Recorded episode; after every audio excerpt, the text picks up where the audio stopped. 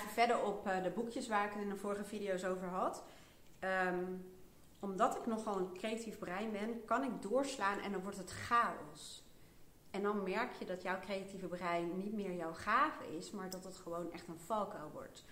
Waarom heb ik nou drie verschillende boekjes? Juist om te structureren en te ordenen. Dit is mijn boekje van mijn eigen bedrijf.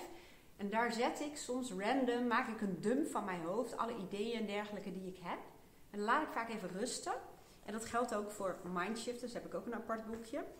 En ehm, later kijk ik daar even na en dan streep ik gewoon echt de dingen weg die ik bijvoorbeeld al heb gedaan. Maar ook de dingen waarvan ik denk, ja, op zich een goed idee, maar ga ik niet doen. En de ideeën waarvan ik denk, ja, die zijn echt belangrijk of levensvatbaar. Die neem ik weer mee naar mijn planning. Tada! En als je een vast systeem hebt, merk je dat je brein daarop gaat vertrouwen. En dat je steeds meer rust in dat drukke hoofd van jou krijgt.